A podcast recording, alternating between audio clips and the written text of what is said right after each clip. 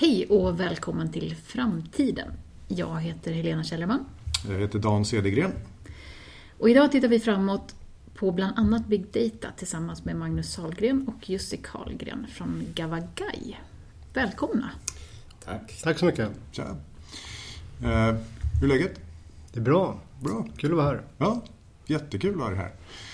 Eh, vi börjar som vanligt med lite sådana snabba, snabba frågor för att få, få kläm på er. Eh, dels, eh, allra först, yrke. Vad, vad är ni för några? Oh, det där är alltid en så svår Kom lite närmare. Det där är en väldigt svår fråga förstås för den som håller på med många olika saker. Men forskare är väl det närmaste mest heltäckande. Ja. Forskare i språkteknologi. I språkteknologi. Mm. Jag, jag är ju samma, samma sak då till, eh, till bakgrunden. Sen är jag dessutom forskningschef på Gavagai. Språkteknologi är ju, eh, handlar om att försöka få datorer att hantera språk. Eh, Och det just vi sysslar med är att försöka få datorer att lära sig språk och förstå språk ungefär som människor förstår språk. Det är otroligt spännande. Jag vill bara hoppa in på fler frågor. Ja, men vi, hejdar oss, hejdar oss lite. Ja, hå- håll tillbaka. Eh, vi kör våra, eh, våra snabbfrågor först. Eh, om, ni ska, om ni ska gå på promenad, går ni helst på promenad i, i Sarek eller i Sofo? Sarek. Sarek, klockrent från Magnus. Ja, det där blir lite svårt faktiskt eftersom vi jobbar i Sofo. Så vi går på promenad i Sofo varje dag många timmar fram och tillbaks. Så att, så att eh, vad ska man säga? Exotismen i just det är inte så hög. Men jag är nog snarare en staden och vildmarksmänniska, det tror jag nog. Ja. Så om jag får välja något annat Sofo i en annan stad så blir det den. Okej. Så blir det den i alla fall. Konsert då? Avicii eller Dylan? Ja, jag har sett Dylan flera gånger och jag har hört talas om Avicii. Då känns ju valet klart. Jag håller mig gärna ifrån båda två. Jaha, Ja. vad, vad vill du? Eh, jag, på. jag lyssnar på eh, väldigt mycket hårdrock. Jag har en bakgrund som hårdrockare. Och, eh, man växer ju aldrig ifrån sin liksom, musikstil. Nej. Jag försöker verkligen lyssna på andra saker, men det går inte. Jag är, jag är kvar som 14-åring. Och vad är det som går hetast? Eh, jag har upptäckt ett nytt band alldeles nyligen som heter Portal från Australien. Som jag verkligen rekommenderar. Det är fruktansvärt ondskefullt. Bra. Det låter stenhårt. Man söker sig till nya saker. Jag bara ploppar upp följdfrågor här. Espressobar eller kokkaffe på vedspisen? Det blir ju jättesvårt. Samvetsfrågan här när man Nej, hänger i Sofo. Ja, nej, jag är ju en tedrickare då. Jag har, jag har flera vedspisar. Så att, eh, men kokkaffe har jag nog aldrig smakat ens en gång. Kokkaffe är jättegott. Men det, kaffe går bort för dig helt och hållet? Du kör te? Ja, jag drack precis en kopp kaffe ner från espressomaskinen. Det händer ibland. Ja. När jag inte har något annat att göra. Men nej, det är te. Jag är på ditt tespår helt och hållet. Så att jag En oolong på vedspis skulle jag ta för att snabba till det. Ja. Ja, Jag gillar båda eh, efter tillfälle. Sarek. Ja. Och om ni ska ha lite distraktion, eh, väljer ni en deckare eller en dokumentär? Deckare varje gång. Deckare varje gång. Ja, jag borde hålla med. Deckare. Deckare. Har du någon favorit? Jag hade en lång period där jag bara läste Dennis Lehan. Mm. Eh, Men jag tycker inte att jag har hittat någon som är, som eh, är lika bra. Jag brukar få bra tips av Jussi faktiskt. Ja. Nu slängde, fick du en boll. Ja, oj, oj, det, det, jag har en hylla full. Det, det finns hur många som helst. Just nu har jag läst ett antal eh, från eh, en serie med Quirk eh, från Dublin. De är väldigt så här mustiga. 50-talsdeckare från Dublin. Eller de tilldrar sig på 50-talet, modernt skrivna. De finns på TV också har jag hört. Mm. Jag tror att det här med dokumentärer är lite grann sån att vi, vi sitter ju och meckar med faktatexter hela dagarna och skriver egna faktatexter och jobbar med det. Så att en, ett visst mått av eskapism är nog nödvändigt för att varva ner på kvällarna. Det är inte, jag vill inte lära mig nya saker just då. Just utan det är det vi gör. Det räcker så. Vi, vi är så bortskämda på jobbet. Vi gör ju kul saker, nya saker, lär oss nya saker. Ja. 12 timmar om dygnet, då är det någon timme som man kanske... Då får man vila i en deckare med lite man- mod man- istället. man- mod och blod. Lite, lite mod och blod och, och, och sunkiga barer. Det är Ja. ganska skönt. Ja, och så Mm, andra sommar. som dricker whisky. Ja, det är bra. Surfa då? På Hawaii eller nyhetssajter? Ehm, jag skulle jättegärna testa att surfa. Jag har aldrig testat att surfa. Ehm, så att Ja, jag surfar ju mest på, inte nyhetssajter så mycket heller. Jag surfar väldigt lite egentligen på internet.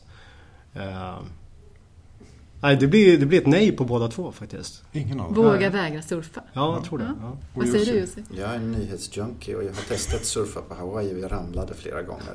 Och när alla familjemedlemmar från tioåringen till frun var bättre än jag på det så har jag tänkt att jag Så då la du dig på stranden och surfade på, på din nyhet- padda?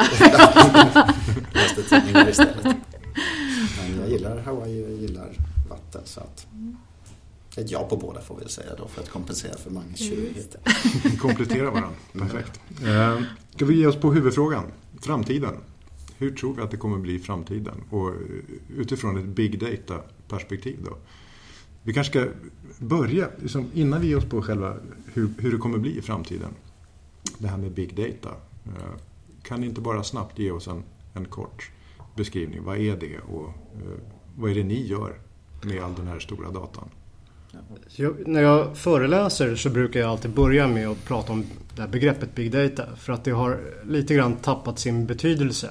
Så alla använder begreppet Big Data och alla har sin egen förståelse av vad det betyder för någonting. Eh, och från början så var det ju tre stycken VN som definierade det här begreppet. Liksom volume, variety och velocity. Sen har man lagt till flera VN. Man har lagt till, det finns varianter med fyra VN, det finns varianter med fem VN, det finns varianter med sex VN. Och det där som språkteknolog, när man börjar patcha sina begreppsdefinitioner är det alltid ett tecken på att begreppsdefinitionen inte fungerar. Begreppet är liksom tomt och betyder ingenting egentligen. Så när vi pratar om big data, när det gäller den typen av data som vi sysslar med, och det är ju språkdata, framförallt textform då, som internetströmmar liksom. Då betyder big data eh, att man har så mycket data eller att man har data som har andra kvaliteter som gör att man inte kan processa den på vanligt sätt. Så som språkteknolog så finns det liksom en, en, man säger, en standardsätt att processa textdata på som innebär att man gör ordklassanalys, man gör en syntaktisk analys av datan och så vidare.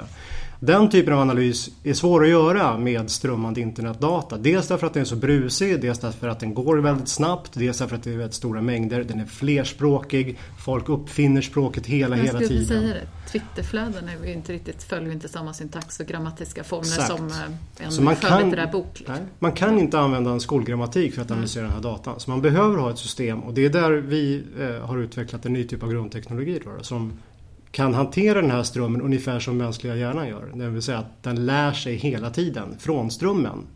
Så det är inte så att vi förutsätter att ordet cykel alltid kommer att betyda någonting som man eh, trampar med. Utan det Så kanske ni, får en ny... man sätter inte reglerna utan systemet själv sätter reglerna beroende på vad den lär sig. Systemet lär sig konventioner från språkbruket. Okej, så kom, för att komma tillbaka till Big Data då.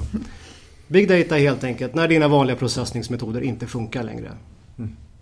Och det är lite, jag tror att man kan fortsätta på den eh, inte längre fun- när det inte längre funkar. Det, alltså big data rent generellt, inte enbart för språk, handlar just om den sortens dataflöden, den sortens datamängder, den sortens data utan den sortens information som inte ägnar sig jätteväl åt att pärmas och sorteras i en hylla och sen hämtas vid behov. Det är när man måste tänka om hur man vill använda data.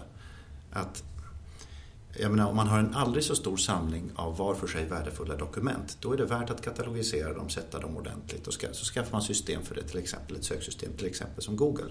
Att man sätter saker i en bra ordning och så kommer man och hämtar de, precis de saker man vill ha vid, behov, vid behovstillfället. Och då är det någon som har sorterat upp dem eller sett till att det finns metoder för att hitta den där grejen som man är ganska säker på finns där fast man kanske inte kommer ihåg exakt Det vad. man va- säger att business intelligence är. Business intelligence är ett typexempel på Ja, det kan vara hur stora data som helst. Det kan Mm. vara större data än det som kallas för big data.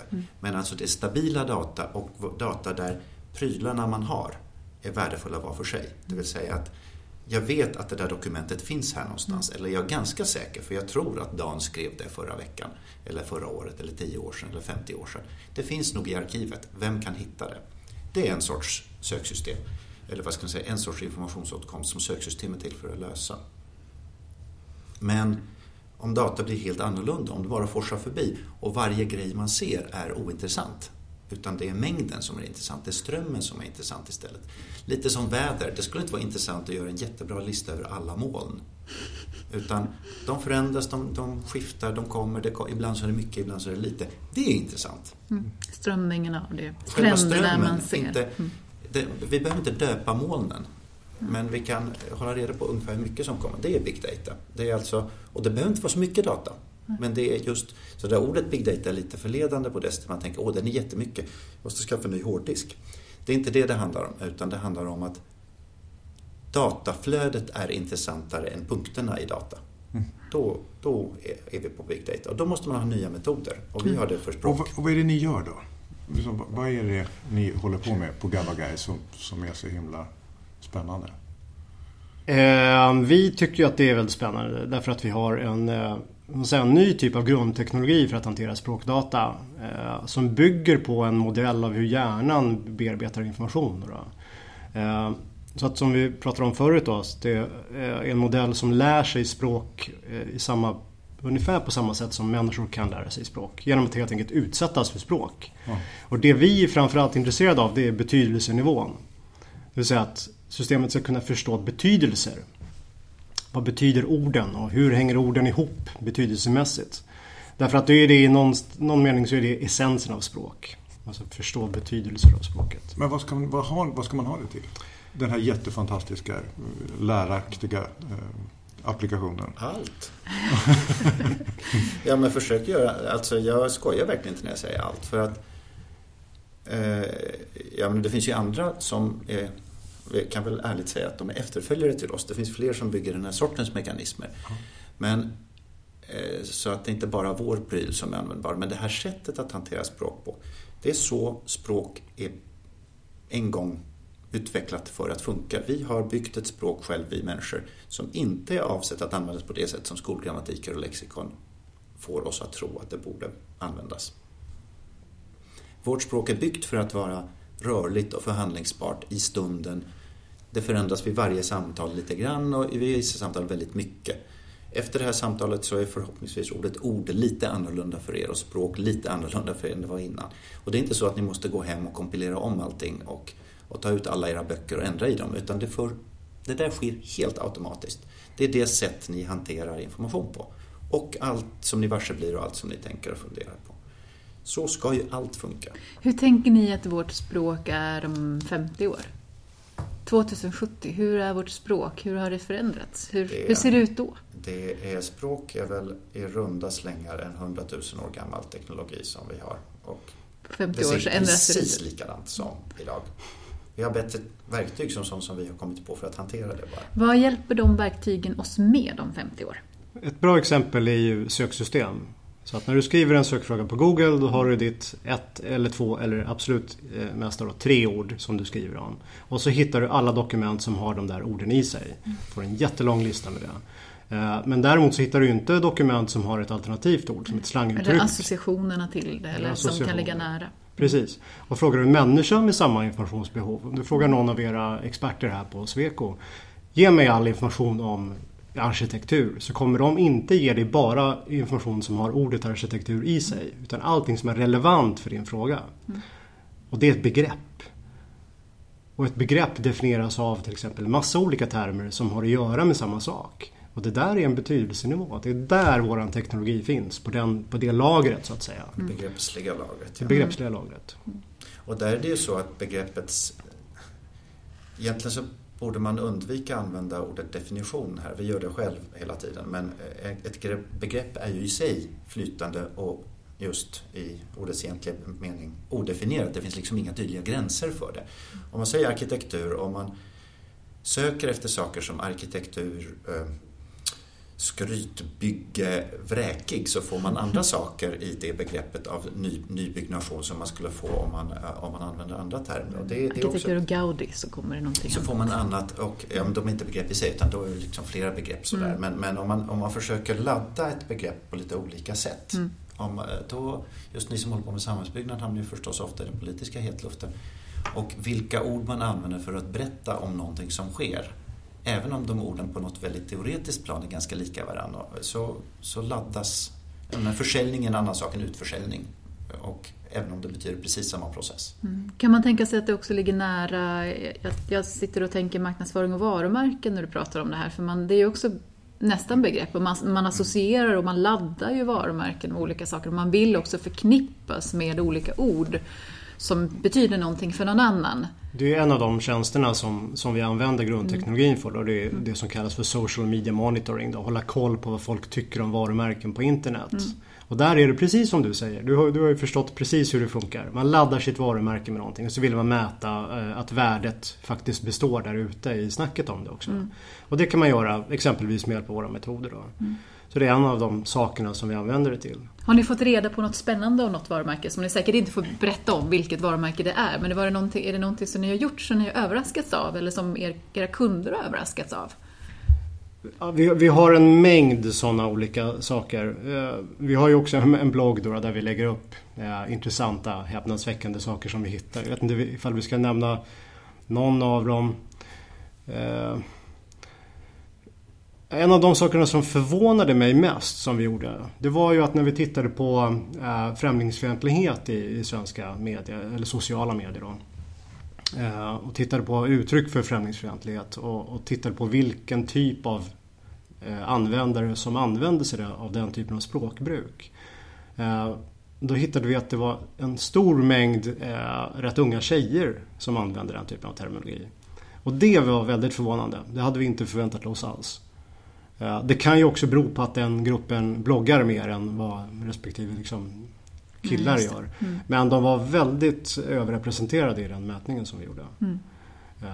Men den typen av, av anomalier och divergenser från, från det man förväntar sig, det ser vi hela tiden. Och när det gäller varumärkesuppföljningar så ser vi också såna här väldigt intressanta saker. att Företag kan spendera hur mycket pengar som helst på kampanjer som inte ger någonting eh, och sen så till exempel skickar man ut varuprover och som blir en otrolig snackis på nätet. Mm. Så att, att förstå hur den där dynamiken funkar, det, är ju, det gör inte alla företag. Det, det där handlar ju om ett, en kommersiell nytta av det. Men, men om, det här måste ju också kunna användas för att se samhällstrender. Om man hade haft det här verktyget i eh, Syrien eller Libyen innan revolutionerna där, hade man kunnat se vad som var på gång att hända i landet? Ja, det hade man. Det hade ju varit hade, hade se nu, om man tänker sig att de styrande i, en, eh, i, en repressiv, i ett repressivt samhälle skulle ha tillgång till vad befolkningen tycker och tänker om saker så är det inte nödvändigtvis det verktyg jag vill vara med om att utveckla. Big men, men där är ju också den, jag tror inte det hade hjälpt om Assad hade köpt aldrig så många tjänster av Gavagai för att eh, i ett sånt samhälle så skriver ju folk inte vad de tycker heller. Vi gjorde en, en intressant ett intressant nedslag i, eh, i, eh, i många länders kulturer. Vi, ett tag så följde vi efter hur mycket homofobi som uttrycktes skriftligen i massa olika länder. Vi hade en, en, en sorts kanariefågelteori där att repressiva samhällen tenderar att man börjar med att dunka bögar och sen så, sen, sen så går det vidare. Att, att, att det finns liksom en, ett tolerant samhälle som ser till att alla där har det bra är ett bättre samhälle än som inte har det och bland de först utsatta grupperna är, är öppet homosexuella. Tittar vi i många länder hur det såg ut och då stöter vi på ett intressant och lite skojigt och möjligen lite tråkigt meteorologiskt problem. När vi tittade på en del språkområden i Mellanöstern då förväntar vi oss förstås att hitta uttryck som kanske inte var de, de mysigaste. Så tittar vi på ett antal västeuropeiska och, och eh, ja, ryska var med till exempel. Och eh, på en del sätt fick vi det fram det vi trodde men vi fann också att i arabiska sociala medier skrevs det väldigt lite om homosexualitet. Överhuvudtaget. Precis. Mm. Det är inte ett ämne som det talas om. Det betyder nog inte att, och därför fanns det väldigt lite öppen homofobi. Det betyder kanske inte att det är jättelätt att vara öppet homosexuell i några av de samhällen som vi tittade på. Mm. Däremot på ryska så var det fruktansvärda Eh, fruktansvärda, mm, alltså ganska hårt språkbruk. Och det kan nog stämma att det kanske inte är det bästa stället att bo på som öppet homosexuell men helt värdelöst är det inte där. Det är snarare så att språkbruket är annorlunda. Mm. Men det som du, jag tänker det som du berättar är väl precis som med all information och informationsteknologi och allt, ingenting kan ju i sig själv existera i sin egen bubbla utan du måste sätta det i en verklighetskontext. Du måste göra analyser för hur det sitter ihop ja. med resten också. För stirrar man sig blind bara på de enskilda resultaten även där så det är ju risk att man får ett beslutsunderlag som Precis, och ja, men det, det, det är det generella problemet i all, alla samhällen oavsett om de är repressiva eller toleranta och öppna. Mm.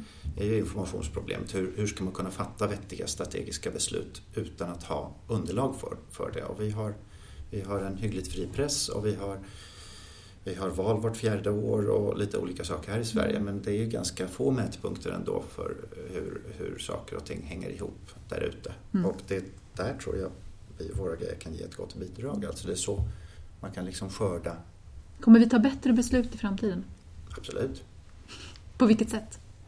Mm, ja, som jag just sa, mer informations... Bättre, vi kommer att vara bättre informerade. Bättre beslutsunderlag. Mm.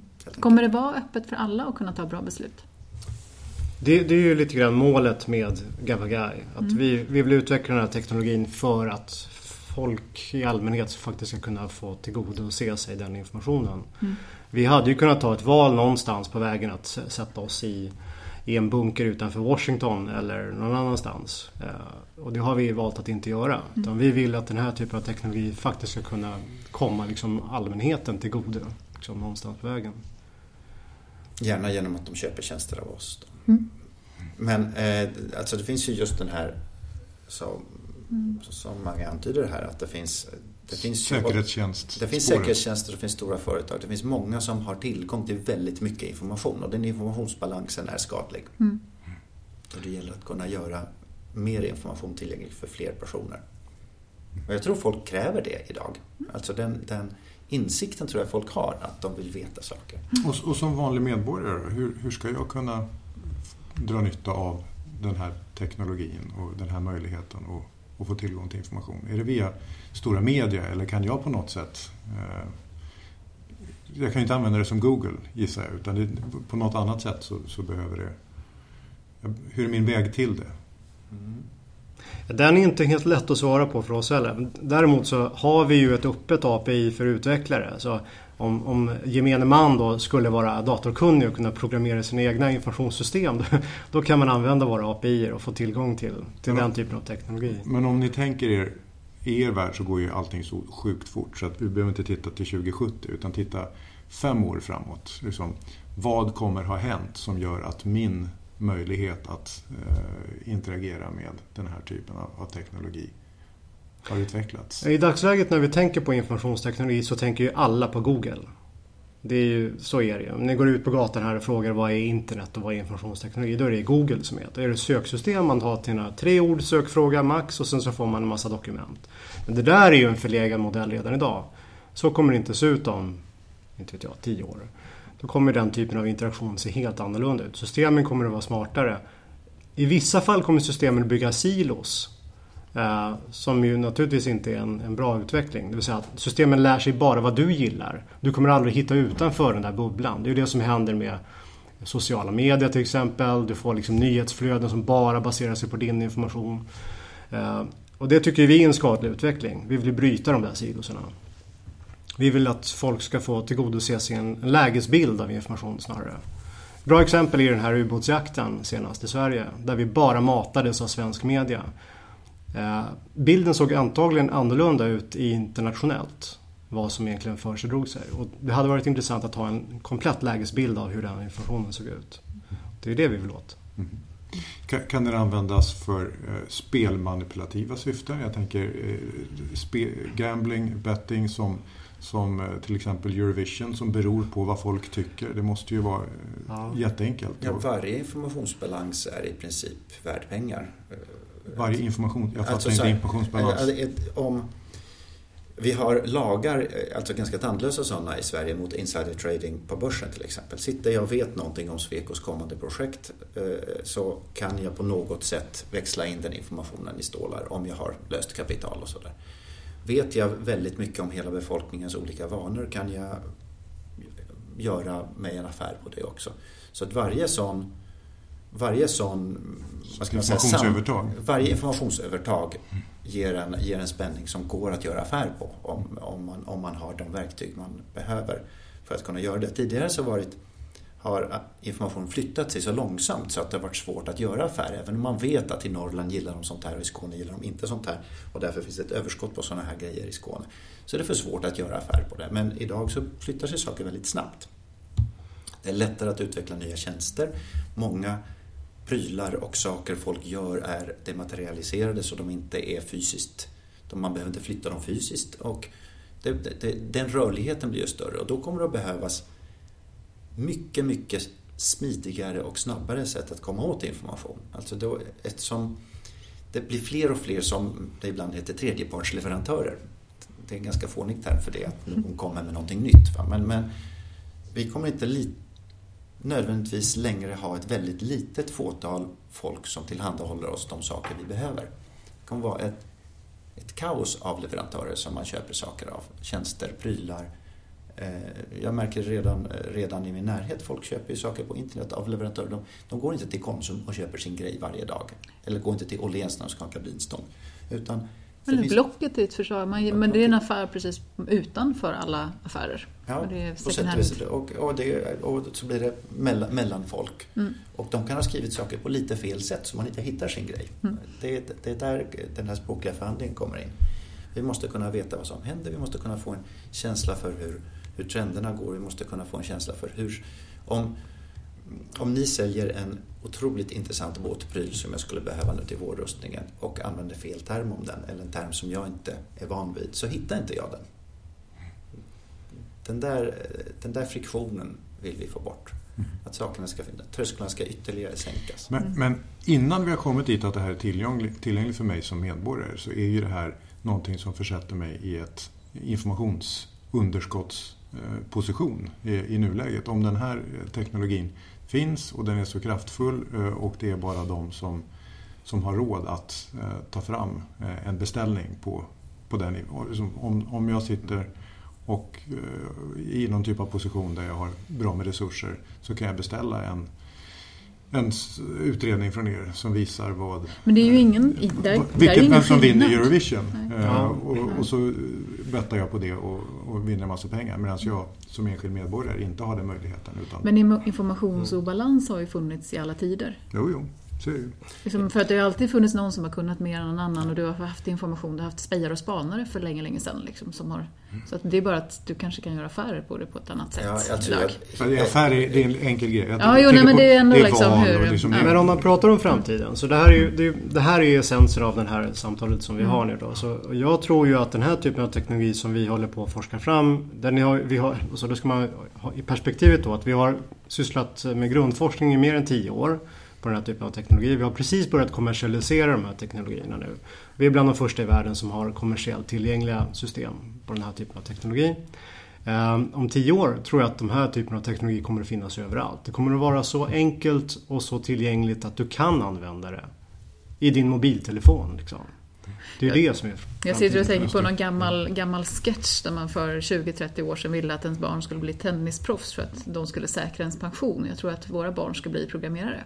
Så ja, säkrar man sin pension och sin in, informationsmöjlighet att ta till sig av information eller, Eller kunskap eller någonting. Ja, precis. Ja, Jag, jag tror precis som du alltså, programmering är nog väldigt viktigt. Eh, Jag Att skulle förstå, önska att liksom. svenska skolan faktiskt var lite mer medveten om det. Det blir en nyckel liksom för att kunna förstå, knäcka koderna kring språk och, och sökningar och information. Så blir det Och statistik. en eh, statistik också Att viktigt. kunna, att, kunna, att förstå samband, att kunna, att kunna se vad som är en chimär och vad som är på riktigt. Ja. Men rent generellt, eh, det går ju att anlägga ett väldigt dystopiskt perspektiv på framtiden och säga att det finns IT-jättar och, och de sitter på allting. Men hela informationsteknologin har från början sänkt trösklarna för interaktion Mm. och sänkt just de här informationsövertagen. Skapat läckor i dem. Och det kommer att fortsätta i den riktningen. Jag menar, tillgång till data är värdefull. Det pratas det mycket om. Data is the new oil, säger folk ibland. Eh, Och data går inte att hålla in, inneslutet i en silo. Det läcker. Det, det kommer att bli mer så, inte mindre så. Mm. Den som bygger sin framtid på att den sitter på sin egen lilla hörna av, av värdefull information kommer lyckas kanske ett tag, om den är klipsk. Men på lång sikt Jag tror också att det kommer att finnas en större medvetenhet bland användare att man är varan när man använder sociala medier. Att man inte att man är, förstår. Liksom. Mm. det, är- det är ens, ens information som faktiskt är det som säljs. När man väl förstår det, då kommer, ju, då kommer reglerna för det spelet att ändras. Mm. Då kommer användarna vara medvetna om att man faktiskt äger sin information på ett annat sätt. Mm. Det här är superspännande. Jag hade kunnat sitta kvar hela dagen. Men det kan vi ju inte göra. Ska vi, ja. ska vi, precis. Eh, vi har ju snackat om vad, vad, som händer i det stora perspektivet. Men, men nu då när ni åker tillbaka till kontoret på Gavagai, vad, kom, vad är ni nyfikna på att ta reda på? Vad som, vilken information som strömmar? Ja, alltså vad, alltså vad ska vi... Ja, ni har ju motorn. Liksom. Ni, ja, kan ju, ni kan ju gå tillbaka och se. Vi kan vad, vara hur nyfikna som helst. Ja, precis. alltså, jag, så i eftermiddag, vad, vad vill ni ta reda på? Vad kollar ni på? vad, vad, kommer vi att titta på? Det var en jättebra fråga. Jag tittar ibland faktiskt just ren ny... Ibland så är det direkta mm. arbetsuppgifter. I, idag ska jag jobba väldigt mycket med vissa, vissa saker som har med hälsa att göra så jag kommer säkert att titta på lite hälsorelaterad terminologi. Men i ren nyfikenhet så tittar jag ofta på de större samhällsfrågorna, alltså de som anses vara större samhällsfrågor, de mediala politiska frågorna och tittar på vad folk tycker om dem. Och jag blir oftast ganska upprymd för att det som sägs är inte det som avspeglas på opinions och ledarsidorna. Utan, utan folk till exempel gillar skolan, folk är nöjda med vården. Det är, wow. det är sådana där saker som jag ser. Det är jag, tittar, jag tittar på vad folk skriver vad det är för attityd i det de skriver. Så du, när du vill bli glad så tittar du inte på löpsedlarna, du tittar i, ditt, i din lilla kristallkula och, och så blir du glad? Ett tag, ett tag, var jag lite förbannad på att det var så, men så jag inser ju att uppmärksamhetsekonomi fungerar på det sättet. Det gäller att hitta en rolig konflikt att berätta om för mm. folkflertalet som köper, köper löpsedelprodukter. Men jag är ju också nöjd över att veta att det inte nödvändigtvis är så. Jag tror att de flesta fattar att det inte är så också. Det, ja, det jag ser fram emot nu. Eh, vi har ju en mätning då som, som man säger, den mäter hur svenska folket mår. Så att vi lyssnar på vad folk, när de pratar i första person singularis, eh, det vill säga när man uttrycker personliga åsikter i svensk social media. Då lyssnar vi på allting sånt. Vi lyssnar på vad alla tycker. Liksom. Eh, och så mäter vi hur folk mår. Alltså hur mår Sverige just idag? Det där har vi gjort under flera års tid. Och bland annat så kan vi väldigt tydligt se när sjukdomsförlopp inträffar. Vi kan se när influensan börjar och så vidare. Eh, men det jag gillar mest det är att se hur folk blir mycket lyckligare under semestern. Så att man ser väldigt tydligt, man ser dygnsrytmen, man ser att folk är lite stressade under veckorna, man blir lite gladare under helgerna.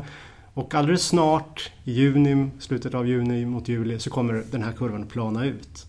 Svenska folket når nirvana ett litet tag. De skriver mindre också. Ja, Man skriver mindre och skriver gladare saker. De har mindre tid att sitta där. Liksom.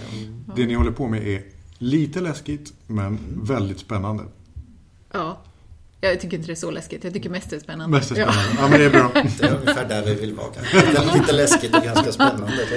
Vad roligt. Tack så jättemycket för att ni kom hit. Helt ja, jätte, jätteinspirerande. Jättekul. Magnus Holgren och Jussi Karlgren från Gavagai. Tack för att ni kom till, till framtiden. Tack så mycket. Tack. Tack. Tack.